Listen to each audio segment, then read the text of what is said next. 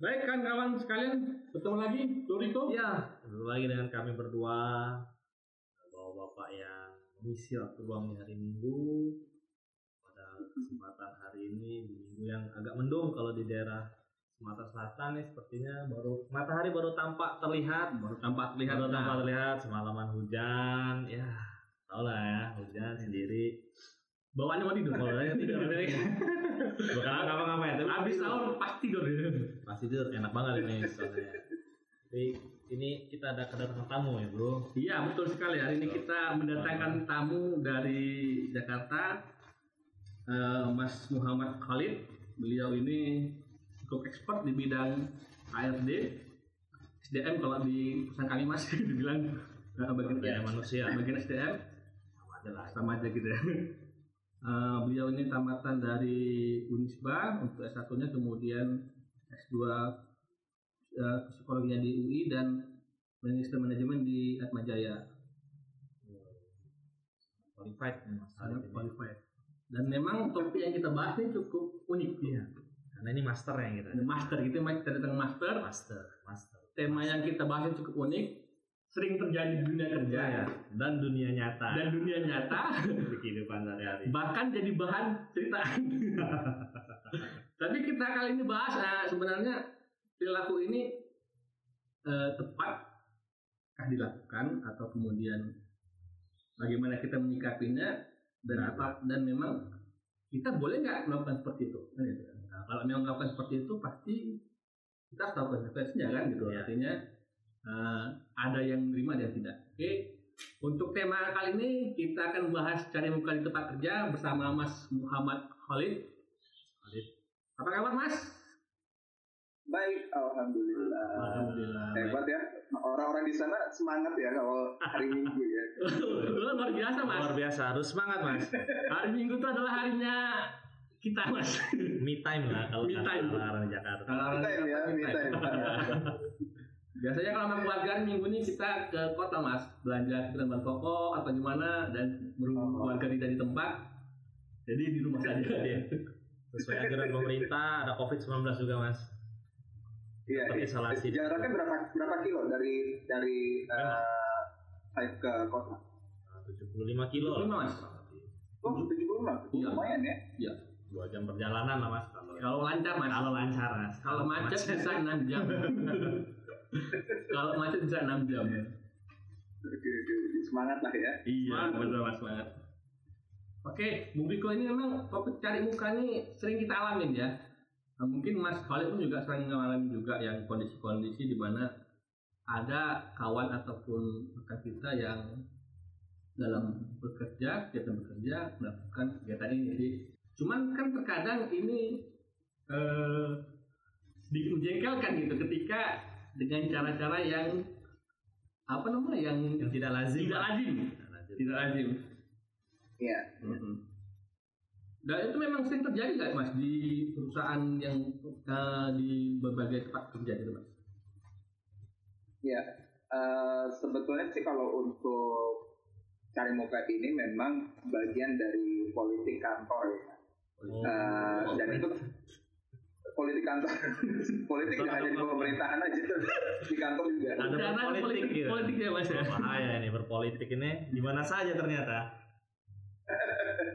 Ya jadi eh, memang eh, cari muka ini akan menjadi eh, negatif kalau misalnya memang sudah merugikan orang lain gitu. tapi kalau misalnya eh, sepanjang dia karena kan sekarang di perusahaan itu jumlah karyawan juga cukup banyak ya. Iya. Dan iya kadang, betul eh, hal-hal yang mungkin dia merasa eh, dia sudah bekerja mati-matian kok nggak dilihat sama atasannya gitu karena itu semuanya balik lagi ke kecenderungan sifat dasar manusia sih sifat Iya, dasar benar. manusia itu kan ingin dipuji Ingin gitu ya ingin diperhatikan, diperhatikan gitu nah mungkin ketika dia masuk ke dalam sebuah perusahaan dengan jumlah karyawan yang cukup banyak kok dia ternyata dari hasil pekerjaannya tidak terlalu terlihat oleh eh, atasannya gitu. Meskipun dia sudah kerja baik dan hasilnya pun juga baik gitu ya.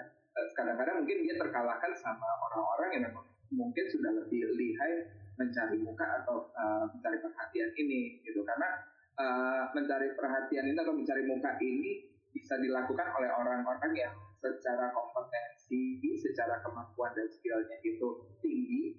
Ada juga yang uh, secara kompetensi atau skillnya itu sebetulnya rendah gitu. Jadi dia untuk menutupi kekurangannya itu dia mencari muka. Nah itulah kenapa uh, ada yang dikata, ada yang mengatakan uh, cari muka secara positif, ada juga cari muka yang secara negatif.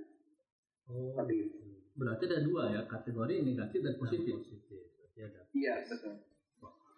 Nah, kalau yang ini mas, kalau misalnya kan eh, yang positif itu bisa seperti dengan tadi kata mas bilang apa menunjukkan kompetensi kompetensinya gitu kan. Nah, sering kali kan eh, apa dalam dunia kerja ini ada mungkin beberapa orang yang sudah kompetensi dilakukan dengan baik. Dia melakukan pekerjaan dengan sesuai SOP, target yang diberikan tercapai, nah, semua. Tapi memang dia kurang satu hal dia tidak mampu eh, apa namanya menjual diri. menjual diri gitu. Nah, nah itu Iya, menjual diri. iya. Nah, sementara di tempat yang sama gitu, yang tidak memiliki kompetensi apa yang dari target diberikan tidak tercapai atas bagaimana, tetapi mampu dan sering kali kalah mas oleh oleh orang-orang yang masih menjual diri. Itu gimana tuh mas? Lebih berhasil ya biasanya ya. iya mas. Triknya lebih gitu mas yang itu. Nah itulah sebetulnya dunia ya. Keadilan itu ada di mana-mana. Eh, jadi kita balik dulu ke eh, ke awal ya bahwa di dalam dunia kerja itu kan kita tidak hanya dituntut untuk eh, kemampuan intelektual, kita juga harus mengembangkan sisi kecerdasan emosional kita. Kecerdasan emosional seperti apa? Ya kemampuan kita untuk beradaptasi lingkungan, kemampuan kita untuk berinteraksi dengan eh, atasan, rekan kerja gitu. Nah, nah ini hal-hal yang juga harus eh, dimiliki oleh seorang pekerja karena dia tidak mungkin bekerja terus-menerus eh, tanpa adanya interaksi seperti ini.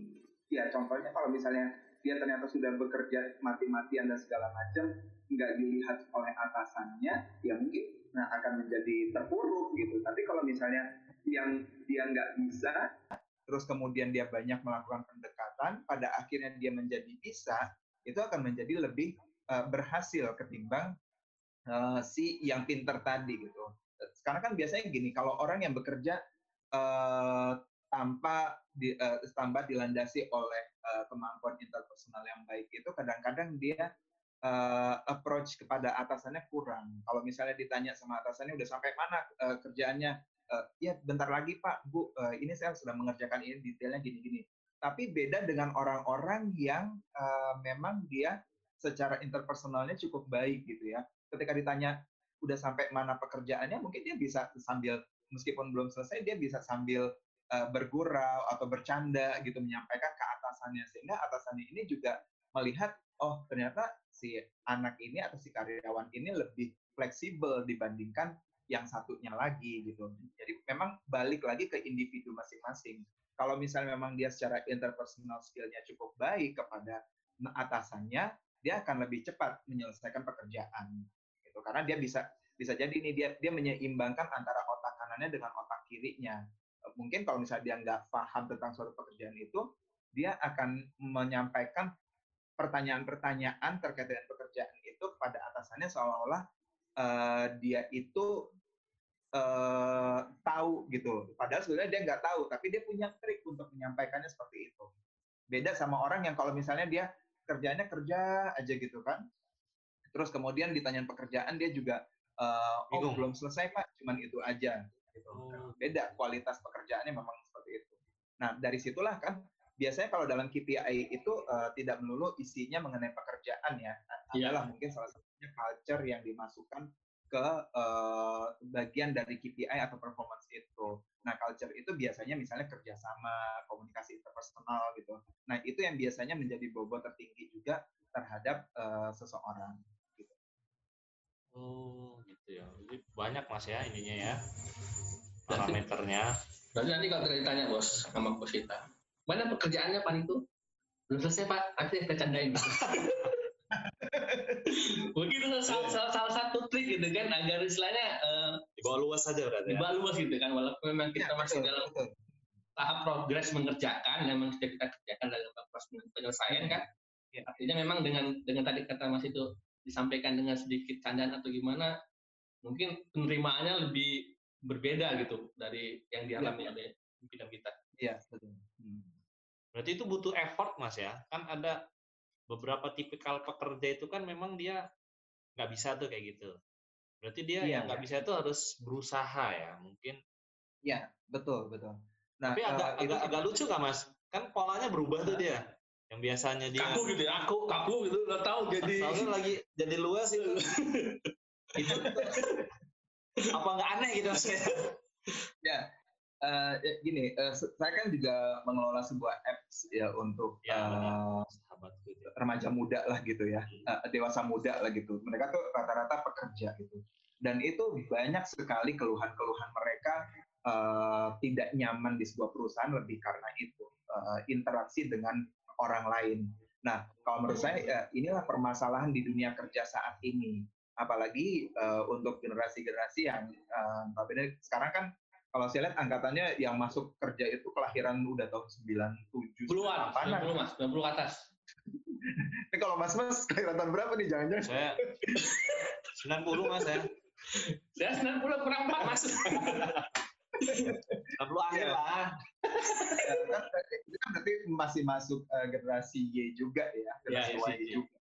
Nah, eh, inilah yang membedakan sedikit dengan generasi-generasi yang sebelumnya gitu. Kadang-kadang eh, saya juga sering menerima curhatan kalau di kantor itu eh kebelakangan sini kalau untuk curhat itu pasti nangis.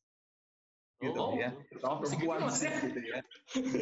Beda beda sama yang dulu-dulu. Kalau dulu-dulu mungkin sambil marah-marah gitu. Kalau yang sekarang-sekarang ini sambil nangis. Nah, memang eh, sebetulnya kemampuan interpersonal ini yang perlu mereka dapatkan di dunia kerja gitu. Bagaimana berinteraksi dengan orang supaya eh, sama-sama yang namanya kantor ya, di mana pun kita berada pasti yang namanya eh, politik kantor ini pasti Politik kantor, office politik.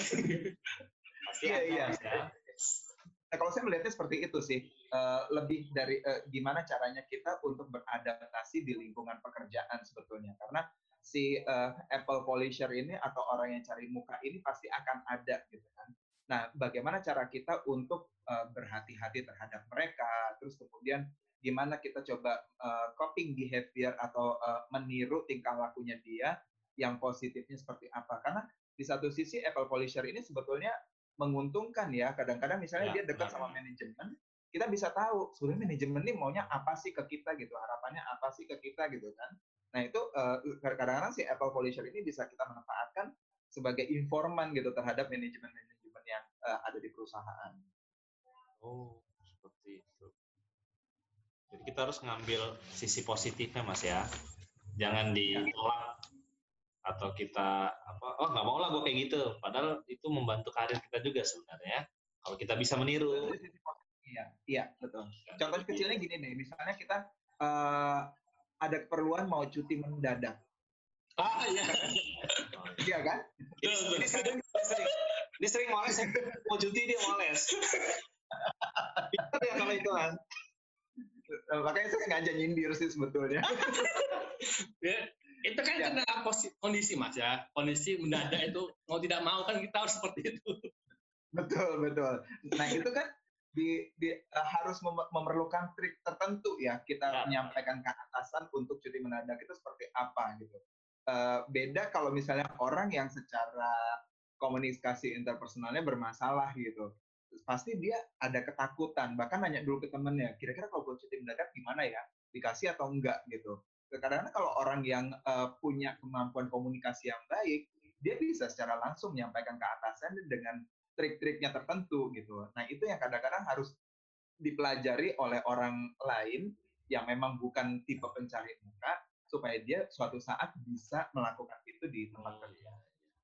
setuju setuju saya Berarti kalau kita terapkan apa namanya eh, up cari muka ini selama tujuannya tidak tidak merugikan orang lain itu masih diperbolehkan mas ya pada taraf Iya. tertentu ya.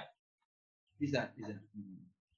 Karena kan memang eh, kayak contoh lah saya memang kan sering cuti mendadak cuti mendadak itu kan karena memang kondisi cuti keluarga. minggat kali Kalau cuti mendadak kan karena kondisi keluarga jauh kan memang yang ah, Ya. anak sakit kemarin itu sempat sakit harus Hmm. kamu memang ya Harus, ya. harus pergi gitu kan saya juga memang pada beberapa bulan kemudian bulan kemudian lalu sudah berangkat juga gitu sudah melihat keluarga tapi memang kondisi yang sakit Ya. pertama oke saya Ya. harus berangkat kan gitu Betul, Mas.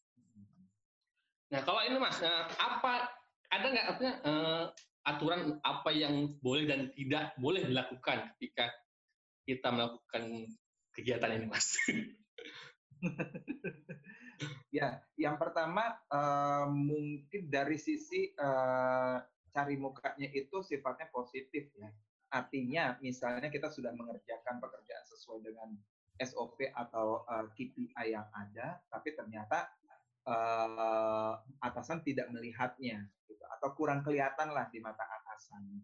Nah, caranya seperti apa? Mungkin itu balik lagi ke kemampuan interpersonal masing-masing ke orang lain. Nah, yang tidak boleh itu kalau misalnya dia sampai menjelek-jelekan orang lain. Jadi misalnya, eh, padahal ini pekerjaan temennya, tapi dia misalnya dalam satu tim ya, ini pekerjaan temennya, tapi dia aku sebagai eh, pekerjaannya dia sendiri gitu. Nah, ini yang sudah mulai bersifat negatif. Kadang-kadang eh, mungkin ada persaingan tidak sehat sampai dia memfitnah orang lain gitu. Nah, itu yang nggak boleh. Terus kemudian eh, biasanya nah, orang-orang yang tadi sudah disampaikan di awal ya, eh, ketika si Apple Polisher yang negatif ini eh, bekerja dalam satu tim, otomatis yang real bekerja atau orang yang capable ini jadi tidak kelihatan karena biasanya Iya. nanti dia yang akan maju, dia yang akan eh, melaporkan progresnya gitu. Nah, eh, ini yang menjadi tidak boleh gitu. karena eh, dengan dengan munculnya eh, Apple Polisher yang negatif ini tadi, lingkungan kerja itu jadi tidak nyaman gitu. Nah, sebaiknya mungkin kita eh, hanya untuk keuntungan pribadi lah gitu. Misalnya eh, pada saat kita pengen mengejar suatu promosi atau eh, posisi ya atau mungkin eh, posisi itu sangat menentukan untuk kenaikan gaji. Nah, kita bisa untuk mencari mencari muka itu dengan cara menunjukkan kinerja kita yang terbaiknya seperti apa. Terus kalau misalnya memang ternyata nah, atasan tidak melihat, toh kan atasan juga harus bersifat objektif kan. Mungkin Iya. kita bisa mengkomunikasikan langsung dengan atasan tersebut gitu. Yang penting sih kebetul- eh, sebetulnya keterbukaan ya. Jadi kalau misalnya kita pengen eh, apa eh, cari mukanya itu yang sifatnya positif, ya seperti itu kita harus selalu mengkomunikasikan performance apa eh, kinerja apa saja yang sudah kita lakukan pada atasan.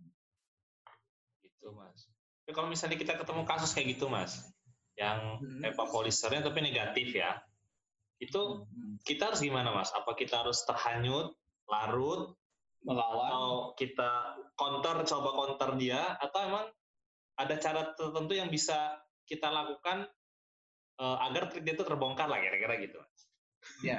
Nah, konspirasinya Ya, ini banyak banyak banget kasus-kasus seperti ini. Nah, jadi terutama eh, yang bekerja dalam satu tim. Sebetulnya yang dibutuhkan oleh atasan itu atau manajemen itu adalah evidence. Ya, Eh, kalau misalnya kita mengerjakan sesuatu, terus kemudian eh, kita membuat catatan nih, Eh, kita membuat catatan siapa-siapa aja yang bekerja. Terus kemudian eh, pada saat pelaporan ternyata si eh, Apple Polisher yang negatif ini yang melaporkan terlebih dahulu. Nah, pasti kan teman-teman yang lain merasa dirugikan. Nah, ketika sudah ada evidence ini, data-data itulah yang kita gunakan untuk maju ke atasan atau ke manajemen. Dan eh, salah satu salah satu hal yang perlu ditekankan adalah eh, kemampuan si eh, lingkungan ini untuk bisa bersifat asertif, mengatakan eh, apa yang tidak benar, mengatakan apa yang sebenarnya. Gitu. Jadi komunikasi itu tadi yang harus eh, diperkuat oleh si eh, lingkungan yang merasa dirugikan oleh si negative apple polisher ini tadi. Gitu, Mas. feedback ya berarti feedback bos betul ada feedback umpan Hmm. balik umpan balik yang baik ya. Tapi memang eh, kondisi-kondisi cari mukanya memang cukup unik ya. Coba sering terjadi kita memang kadang menjengkelkan, kadang ya kita ah sudahlah biarkan saja gitu. Masa bodoh juga kadang-kadang kita gitu. Kalau saya sih Iya, pikir kadang eh, ada juga seperti ah sudahlah biarkan saja gitu kan. Kalau benar-benarnya rezeki mah sudah diatur bilang gitu kan. Tidak tidak apa tidak sampai memikirkan. Tapi memang kalau sudah pada taraf yang sampai menjelekkan pribadi kita, Iya, betul. jadi, betul. Pak, pasti eh, kita pasti akan akan melawan lah hal seperti itu. Betul. betul. Ya caranya itu tadi ya melawannya dengan uh, evidence Data-data. atau bukti Evidence. apa yang sudah dilakukan oleh si orang negatif ini tadi gitu. Nah ini mas, eh, kan tadi kita kembali ke tempat pembahasan bahwasannya eh, ada nggak orang yang melakukan cari muka ini karena memang dalam perusahaan tersebut ya sistem penilaian eh, kepada karyawannya itu tidak berjalan dengan baik dan benar. Karena kita tahu bahwasannya ada hierarki perusahaan ya semakin tinggi sedikit. semakin tinggi sedikit orang dibutuhkan sementara semakin di bawah segitiga itu ya eh, itu semakin banyak nah itu kan untuk menjaring orang-orang yang di lantai dasar untuk bisa Hmm. mengisi posisi di Ya. atas itu kan harus ada sistem eh, penilaian Betul. penilaian objektif. KPI yang objektif gitu bisa nggak dengan eh, mungkin nggak karena sistem ini tidak berjalan dengan baik dan benar sehingga eh, orang-orang lebih sering melakukan tindakan seperti itu mas Iya, bisa jadi. Karena tadi kan di awal saya sudah eh, sampaikan ya, mungkin karena jumlah eh, karyawan misalnya di level operasional itu terlalu banyak gitu. Jadi eh, mereka ini satu sama lainnya tidak kelihatan dan bisa jadi tipe atasan kan juga ada yang objektif, ada yang subjektif kan. Jadi pada akhirnya mereka melakukan hal-hal untuk menunjukkan dirinya seperti apa, capable atau enggak. Nah, Eh, tapi perlu hati-hati bagi pemain baru cari muka. Saya istilahnya pemain baru ya. Bukan baru ya. baru Ini ada restitusi. transparan berarti ini pemain transparan ini Bagi pemain baru untuk cari muka ini perlu berhati-hati karena sekalinya dia tidak bisa melakukan cari muka ke atasan itu akan menjadi bumerang karir untuk dia. Contohnya gini, eh, misalnya dia udah eh, berhasil nih ya dengan pekerjaannya sesuai dengan KPI, tapi ternyata ada yang lebih lagi, tapi dia tetap ngotot untuk eh, mempertahankan, oh se- eh, sebetulnya saya udah eh, berhasil sekian loh Pak, saya target saya udah seperti ini, gini, gini, gini. Nah, tapi ternyata ada yang lebih di atas lagi. Nah, otomatis atasan jadi tidak percaya ke si orang ini gitu. Makanya sebelum kita eh, melakukan hal-hal untuk mencari muka yang secara positif ini, kita juga harus berlomba-lomba untuk meningkatkan prestasi tadi gitu. Nah, eh, kaitannya dengan KPI itu ya otomatis sih kalau misalnya memang eh, tipe perusahaannya cukup besar di level operasionalnya pasti ini nah akan sangat eh, berpengaruh ya karena eh, di situlah letaknya persaingan yang sehat sebetulnya tanpa harus eh, mencari muka tanpa harus menjatuhkan orang lain kalau misalnya sudah menjatuhkan orang lain nah ini yang sudah eh, cukup eh, sulit untuk diatasi yang eh, terjadi biasanya. Karena memang office politik ini terjadi di mana-mana sebetulnya gitu. Cuman tergantung lagi dari sisi atasannya. Dalam menentukan KPI tersebut sudah cukup objektif atau tidak gitu. Jadi misalnya eh, kan kalau misalnya kita menggunakan balance scorecard itu ada beberapa aspek yang bisa kita lihat kan dari sisi performance seperti apa dari sisi operasionalnya seperti apa terus jadi semua aspek itu terlihat. Nah kalau kita sudah menggunakan itu ya berarti memang eh, tinggal si karyawannya ini aja meng- menggunakan kemampuan interpersonalnya supaya bisa terlihat oleh atasan. Gitu mas. Oh gitu. Jadi memang sangat unik ya cari muka ini walaupun sering jadi bahan gibah ternyata kalau dibahas dibahas dengan detail seperti ini ternyata ada apa ada ilmunya juga gitu artinya Butuh keahlian khusus butuh mas ya. kali khusus gitu kan iya bagaimana kita Iya, mengaplikasikannya bagaimana kita menyikapinya bagaimana apa yang boleh dan apa yang tidak ini kalau dibentuk betul betul ini bakal bisa Nah, ada yang jadi korban, ada yang jadi korban, ada yang dikorbankan, harus ada yang jadi pemainnya. betul Ada yang sifatnya positif, ada yang sifatnya negatif. Seperti itu sih. Iya iya. Nah kemarin kan Mas sebelum waktu kita saya Mas dengan Mas kan ini eh, komunikasi via WA, Mas sempat eh, melakukan oh ini lagi, lagi melakukan polling dulu kan, polling tentang eh, materi cari muka ini. Boleh tahu nggak Mas Ya. kita hasil polling Mas gimana yang Mas dapatkan dari hasil? Oke, bentar. Saya, saya, saya bacain aja ya. Ah silakan Mas, Eh, baca aja.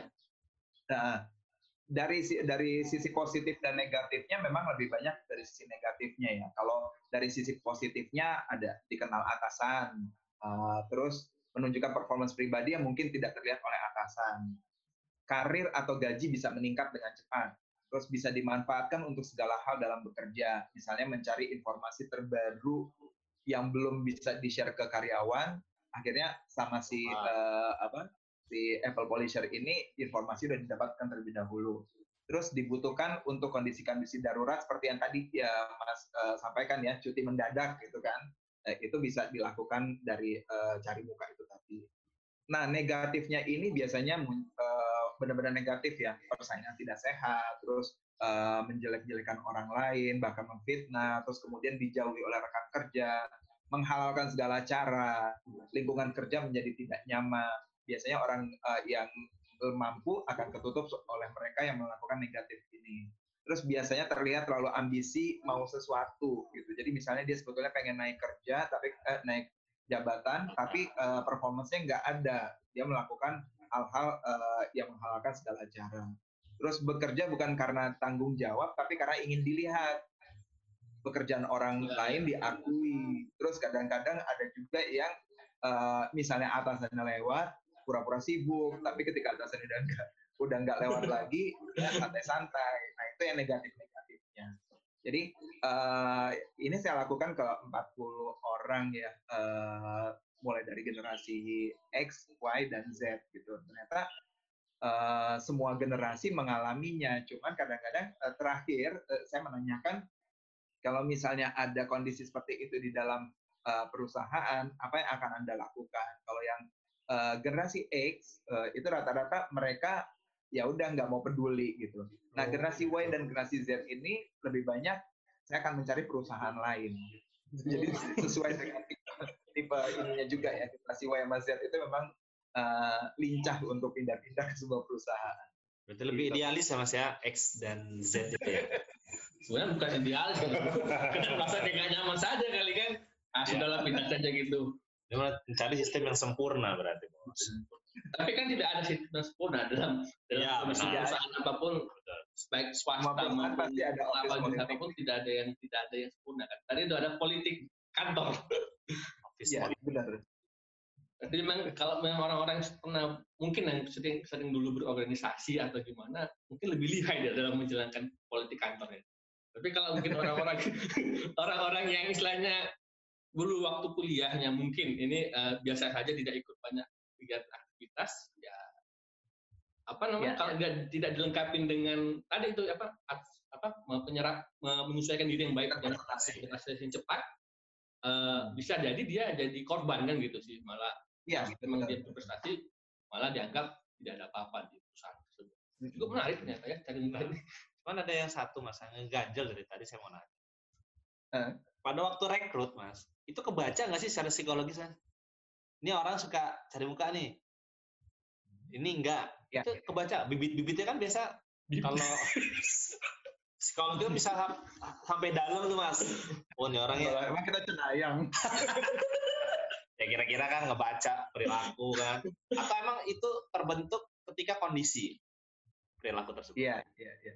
Nah, uh, dalam interview sebetulnya uh, kita bisa cari, bisa cari tahu dari pengalaman kerjanya dia ya. Misalnya oh, dia gitu. Eh, nggak uh, terlalu lama di sebuah perusahaan, lebih karena apa itu bisa kita gali. Terus kemudian informasi-informasi uh, apa nih yang bisa uh, kita gali lagi dari pengalaman kerja, misalnya uh, tipe atasan kamu seperti apa sih di sana gitu. Gimana di, uh, kondisi perusahaan itu uh, seperti apa di sana gitu. Kadang-kadang kan ada orang yang uh, dengan polosnya dia menjawab ya pokoknya nggak nyaman deh uh, terlalu kelihatan banget politik kantornya seperti oh. apa politik kantornya. Nah uh, kemudian juga kalau misalnya dari yang fresh graduate itu kita sebetulnya bisa melihat dari ini ya ketahanannya mereka pada saat menghadapi kondisi seperti ini uh, karena ini mungkin juga terbentuk ketika dia sudah masuk di perusahaan tersebut sebelumnya misalnya belum gitu kan tapi si uh, fresh graduate ini tadi kita bisa lihat dari uh, pengalaman dia berorganisasi seperti apa. Setidaknya dengan pengalaman berorganisasi ber, berorganisasi ini dia sudah bisa mengatasi hal-hal uh, atau masalah-masalah yang terjadi kalau misalnya dia bekerja dalam sebuah tim, gitu mas. Hmm. Tapi kalau secara umumnya biasanya kita bisa menggali dari pengalaman kerja sih. Pengalaman uh, ya. Kenapa dia berpindah-pindah, terus kenapa dia cukup uh, bisa lama bertahan di sana gitu tipe atasannya seperti apa sih yang dia suka gitu itu bisa kita lihat dari sana karena kan kan kalau ditanya uh, kamu bisa bekerja dengan atasan yang tipenya seperti apa yang asik, yang objektif. Nah, kalau ketika Anda udah mulai bilang objektif, kita bisa gali lagi pertanyaannya dengan uh, memang selama ini atasan kamu uh, nggak objektif, Objektif. atau apa gitu. Uh, jadi bisa kita gali lagi dari pertanyaan aja sih. Jadi, timbul pertanyaan dari jawaban mas ya. Semakin Iya. digali semakin terkuak ya. Mas. Iya. Bahkan sampai nangis-nangis sih. Tapi memang ini mas, ada kasus menarik nih mas ya dari yang dekat saya kan. Dia eh, Iya, iya. dia bekerja, kemudian dia punya rekan kerja yang baru diterima lah gitu kan. Kebetulan memang rekan kerja saya ini punya atasan. Atasan ini masih atasan dia eh, masih punya hubungan alumni lah dengan dengan eh, kawannya rekan kerja saya ini kan. Hmm, Suatu ketika ada instrumen baru yang harus diterapkan di tempat dia bekerja. Nah, kebetulan si kawan saya ini ikut terlibat untuk eh, menjadi operatornya gitu kan. Jadi dua dua operator dengan pimpinan tadi. Jadi si rekan kaw- kawan saya ini bilang gini, rekan saya, rekan saya bilang gini, cerita gini, dia bilang si B lah kita bilang mas ya, eh, Mr. B kita bilang. Mr. B ini dia memang cukup dekat dengan atasan, tapi untuk kondisi pekerjaan kadang dia malah menyulitkan, menyulitkan eh, rekan dekat saya nih, Miss A kita bilang. Nah, ternyata eh, keluh kesah ini bukan dialami oleh si Miss aja, si atasannya juga mengalami juga hal seperti itu, walaupun dia memang cekatan, tapi karena tahu bisa mencari muka tadi dan dekat dengan atasan, si atasan pun juga tidak mau apa, tidak berani melakukan eh, tindakan ke ke Mis- ke Mr. B kan gitu. Nah, Iya. Sa- apa yang harus disikapi oleh si Miss A tersebut, Mas, untuk menghadapi kondisi seperti itu? Nah, eh, balik lagi itu memang dari dari sisi kondisi atasannya juga ya, maksudnya kurang bisa bersikap ber- bersikap objektif terhadap eh, eh, antara si A dengan si B tadi ini gitu. Nah, tentunya kalau misalnya untuk eh, si A, eh, nah, A ini tadi yang dia ini ya apa kurang bisa untuk eh, diterima hasil pekerjaannya ya. Eh, hasil pekerjaannya diterima oleh pimpinannya, tapi memang eh, si Mr. B ini sering sekali menghambat malah, bukan dalam dalam dalam bidang kerja itu malah bukan saling mendorong, tapi malah menghambat gitu. Kalau si Miss A-nya ini mau mengerjakan ini, ya tahu-tahu passwordnya diganti atau apa gitu. Kalau ketika diminta data, nanti dulu lah saya lagi di mana gitu. Sering kayak seperti itu. Jadi atasan itu menilai si Miss A ini tidak Si A. mampu. Padahal kondisi yang sama juga dialami atasan yang dilakukan oleh si Mr. B gitu. Jadi sebenarnya Oke. apa yang dialami Miss A juga dialami oleh atasannya, cuman memang atasannya tidak mau apa memberikan tindakan kepada Mr. B itu. Itu memang yang yang uniknya seperti itu mas, yang menurut saya ini. Eh, mungkin si A ini perlu ini mas minta waktu kepada atasannya untuk eh, bicara dari hati ke hati ya karena eh, peran atasan Curhat ini kan juga eh, kenapa Curhat berarti harus curhat ke Iya. atasannya. Iya.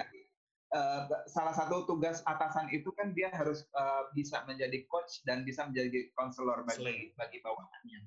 Itu jadi jangan nah apa-apanya setiap eh, sebetulnya keberhasilan sebuah perusahaan itu dilihat dari eh, bagaimana atasan itu bisa mengatasi permasalahan yang ada di timnya terlebih dahulu. Jadi jangan apa-apanya langsung dilempar ke HRD. Punya masalah, kasih ke HRD. Udah cerita sama HRD sana gitu. Nah, sebetulnya ini kemampuan dari si eh, kemampuan asertivitas dari si karyawan ini untuk menawarkan diri atau meminta kepada atasannya untuk eh, dilakukan semacam konseling atau coaching. Jadi dia bisa bertanya, eh, masalah saya itu kan seperti ini Pak. Sebetulnya Bapak pengennya seperti apa? Kalau saya mengerjakan seperti ini, hasilnya eh, yang Bapak inginkan seperti apa? Gitu. Jadi dia harus melakukan eh, semacam apa ya? Bukan bukan bukan protes ya, maksudnya dia harus meminta eh, masukan kepada atasannya apa yang harus dia lakukan gitu Ya, kalau itu mas, nah itu kan untuk untuk si A-nya. Nah, eh, apakah atasannya tidak tidak apa tidak memberikan eh, coaching juga kepada konseling juga kepada si Mr. B-nya karena memang sama sama sama kondisi kondisinya juga memang bahwasannya si B ini tidak eh, memperlakukan hal, hal, hal yang sama juga terhadap atasan juga gitu. Terkadang seperti itu. Iya, karena kan gini, eh, pasti kan di KPI-nya untuk si A, si B ini hampir sama ya. Ya. Nah, eh, KPI-nya hampir sama, berarti apa yang harus dilakukan, apa yang dijadikan target, ini juga harus sama disampaikan. Jangan misalnya si atasan menyampaikan ke si A beda, menyampaikan ke si B beda. Pasti akan resultnya akan beda nantinya. Gitu. Tapi eh, nggak ada salahnya kalau misalnya atasannya ini eh, memanggil kedua orang ini, si A, si B, untuk melakukan hal yang sama. Jadi ini memang per- yang dibutuhkan sebetulnya eh, skill dari si leadernya ini tadi sih, skill dari atasan ini untuk eh, apa melakukan perform penilaian performance-nya itu lebih objektif gitu. Jadi eh, mungkin dia bisa juga eh, perlakuannya disamakan. Jadi misalnya kalau misalnya pas makan siang bareng ngobrol-ngobrol tentang pekerjaan, jangan misalnya kalau makan siang hanya dengan si B, eh, si A enggak gitu. Jadi si A itu otomatis misalnya nggak terdengar, si B mungkin lebih kelihatan atau si B lebih eh, tidak terdengar, si A kelihatan gitu. Jadi memang eh, ini sebetulnya balik lagi kepada skill dari si atasan ini terhadap eh, timnya sih. Oh, nanti memang eh, terlepas dari kemampuan masing-masing Individu, ya. individu untuk melakukan menyerahkan beradaptasi juga memang harus dibantu oleh atasan kita yang mampu menilai secara objektif dan memberikan kepemimpinan yang baik ya untuk mereka berdua gitu. Betul, betul. Memang benar sekali. Mana Bung Riko? menarik Cukup Mas. menarik. salah ini jadi saya banyak dapat eh, masukan juga buat saya pribadi mungkin buat Bro juga dapat dari pengalaman Mas Halid kan ternyata ya kita nggak bisa nolak karena itu tadi kan ada office politik kan ada politik kantor. Semakin kita Ya. tolak semakin merugikan kalau tadi kita hasil boleh saya simpulkan dari hasil pembicaraan kita. Semakin kita tolak ya kita semakin terpuruk. Tapi kalau kita bisa beradaptasi ya bisa menguntungkan semua lah kira-kira kan. Seperti itu mas. Kita ambil positifnya kan daripada kita sampai nangis-nangis kan sampai eh, apa terlarut dalam kondisi yang mending kita ikuti tapi dengan prosedur yang benar mungkin mas ya kira-kira iya, betul. Nah, mantap lah bro bahasan untuk Kali ini ya. minggu siang ini mas. Jadi besok ke kantor itu sudah tahu oh ada politik Tinggal, kita ini tinggal buat partainya nih, partai A, B, dan C. tinggal kita gimana nyikapinya saja. Ya supaya itu tadi kan inti bekerja itu sebenarnya kenyamanan mas ya kalau boleh saya simpulkan kalau Iya, kita sudah nyaman dalam bekerja kan potensi apa pun yang ada dalam diri kita ini pasti keluar untuk diri kita pribadi maupun perusahaan Iya. gitu. Ya, gimana caranya kita bisa nyaman? Eh, salah satunya ya dengan kemampuan kita untuk beradaptasi terhadap lingkungan itu. benar sekali setuju saya sepakat bro Julian Ya, memang proses adaptasi dan kemauan diri untuk berubah tuh harus harus Iya. dukung, saling dukung. Ada pesan-pesan mas tuh kami untuk kawan-kawan yang mendengarkan podcast yang kami ini mas. tips and trick lah mas kira-kira Eh, ya, buat buat buat newbie jangan coba-coba untuk cari muka. Iya. kuat efeknya di, ya, di, betul betul. di garis bawahi ya. ya pokoknya bekerja bekerja yang didasarkan pada landasan eh, apa kemampuan interpersonal dan beradaptasi yang baik ditambah dengan produktivitas itu akan menghasilkan eh, pekerjaan yang lebih maksimal ketimbang pekerjaan yang kurang dari kemampuan kita masing-masing. Lebih ke situ sih. Wah, Wah, luar biasa sekali. itu adalah quote ya untuk sekali minggu minggu ini. siang hari ini. Untuk kawan-kawan tolong dicermati. Berat dan- banget sih Loh. minggu bahasannya. Ini ini memang momen yang tepat mas. Karena kalau dari Senin sampai Sabtu itu kita ini Iya, sudah iya, iya. apa? Kita berpolitik mas. Politik. Jadi kalah terus mas jadi memang Senin sampai Sabtu itu fokusnya berpolitik di kantor mas. Jadi minggu ini mengeripres politiknya tuh mas. Baik oke oke. Oke eh, terima kasih mas eh, Khalid atas waktunya serta ilmunya yang diberikan kepada kami dan para pendengar. Mudah-mudahan apa yang kita sampaikan ini dapat bermanfaat dapat bermanfaat bagi kawan-kawan sekalian semoga karena memang kita mau tidak mau akan menghadapi kondisi seperti ini, bahkan mungkin kita juga akan melakukan ini, tapi memang tadi itu hal-hal ini kan, tapi memang mungkin tadi tetap harus pada eh, konteks yang positif kan gitu, dan tidak merugikan orang lain atau menginjak malah. Gitu. Iya. Eh, mungkin itu saja untuk siang ini Mas. untuk siang ini, eh, Ya. Mas, Mas Khalid, Bu Gliko, Ya, terima kasih Mas Salid waktunya sudah Sama-sama, makasih banyak. kurang lebih 30 menit di eh, apa acara kami ini. Mohon maaf kalau ada salah kata. Terima kasih. terima kasih semuanya. Eh, Eh. sampai jumpa kembali, Mas Khalid, di lain Ya, waktu. Kalau misalnya nanti ada tema-tema tentang HRT, Kita undang lagi. kita undang lagi Mas ya. Silakan, silakan. Oke, naik. kita dapat kawan bagus bro untuk kali ini. Oke itu saja untuk eh, siang hari ini, Bro Riko. Oke, siap. Bro Juna, kita tutup. Assalamualaikum warahmatullahi wabarakatuh. Sampai berjumpa kembali di podcast minggu depan. Terima kasih.